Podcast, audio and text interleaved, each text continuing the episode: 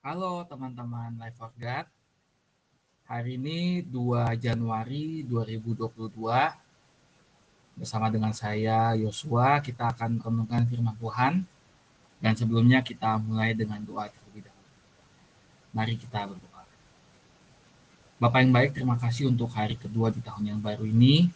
Kami berdoa Tuhan supaya ketika kami membaca firman-Mu, Roh Kudus menerangi hati kami, dan menunjukkan pada kami apa yang harus kami perbuat di tahun 2022 ini. Dalam nama Tuhan Yesus kami berdoa. Amin. Ayat ini saya ambil dari Wahyu 22 ayat 21. Kasih karunia Tuhan Yesus menyertai kamu sekalian. Amin.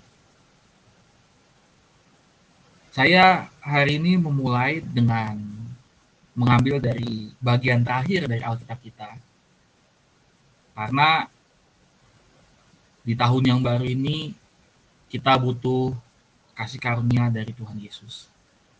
Kasih karunia yang sama yang sudah menyertai kita di tahun 2021 bahkan tahun-tahun sebelumnya. Kasih karunia itu juga kita perlukan dan kita mohon juga kepada Tuhan Allah kita supaya kasih karunia yang sama tersebut menyertai kita juga di tahun yang baru. Karena sungguh-sungguh teman-teman saya juga berdoa supaya teman-teman bisa memulai tahun 2022 ini dengan kuat dan mengakhirinya dengan kuat juga. Mungkin nanti di tengah-tengah tahun akan ada banyak tantangan, pergumulan, akan banyak persoalan dan mungkin juga ada doa-doa yang kita naikkan dari tahun lalu tapi belum jawab juga sampai bahkan mungkin akhir tahun 2022.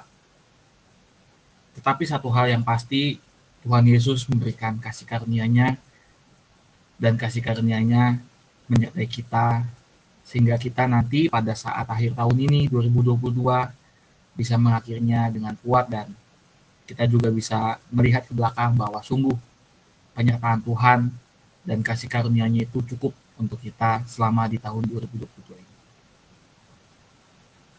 Tahun 2022 belum tentu juga menjadi tahun yang akan lebih baik daripada tahun sebelumnya tapi satu jaminan yang pasti kasih karunia Tuhan Yesus menyertai kita di tahun ini. Demikian renungan singkat ini dan kita tutup dengan doa.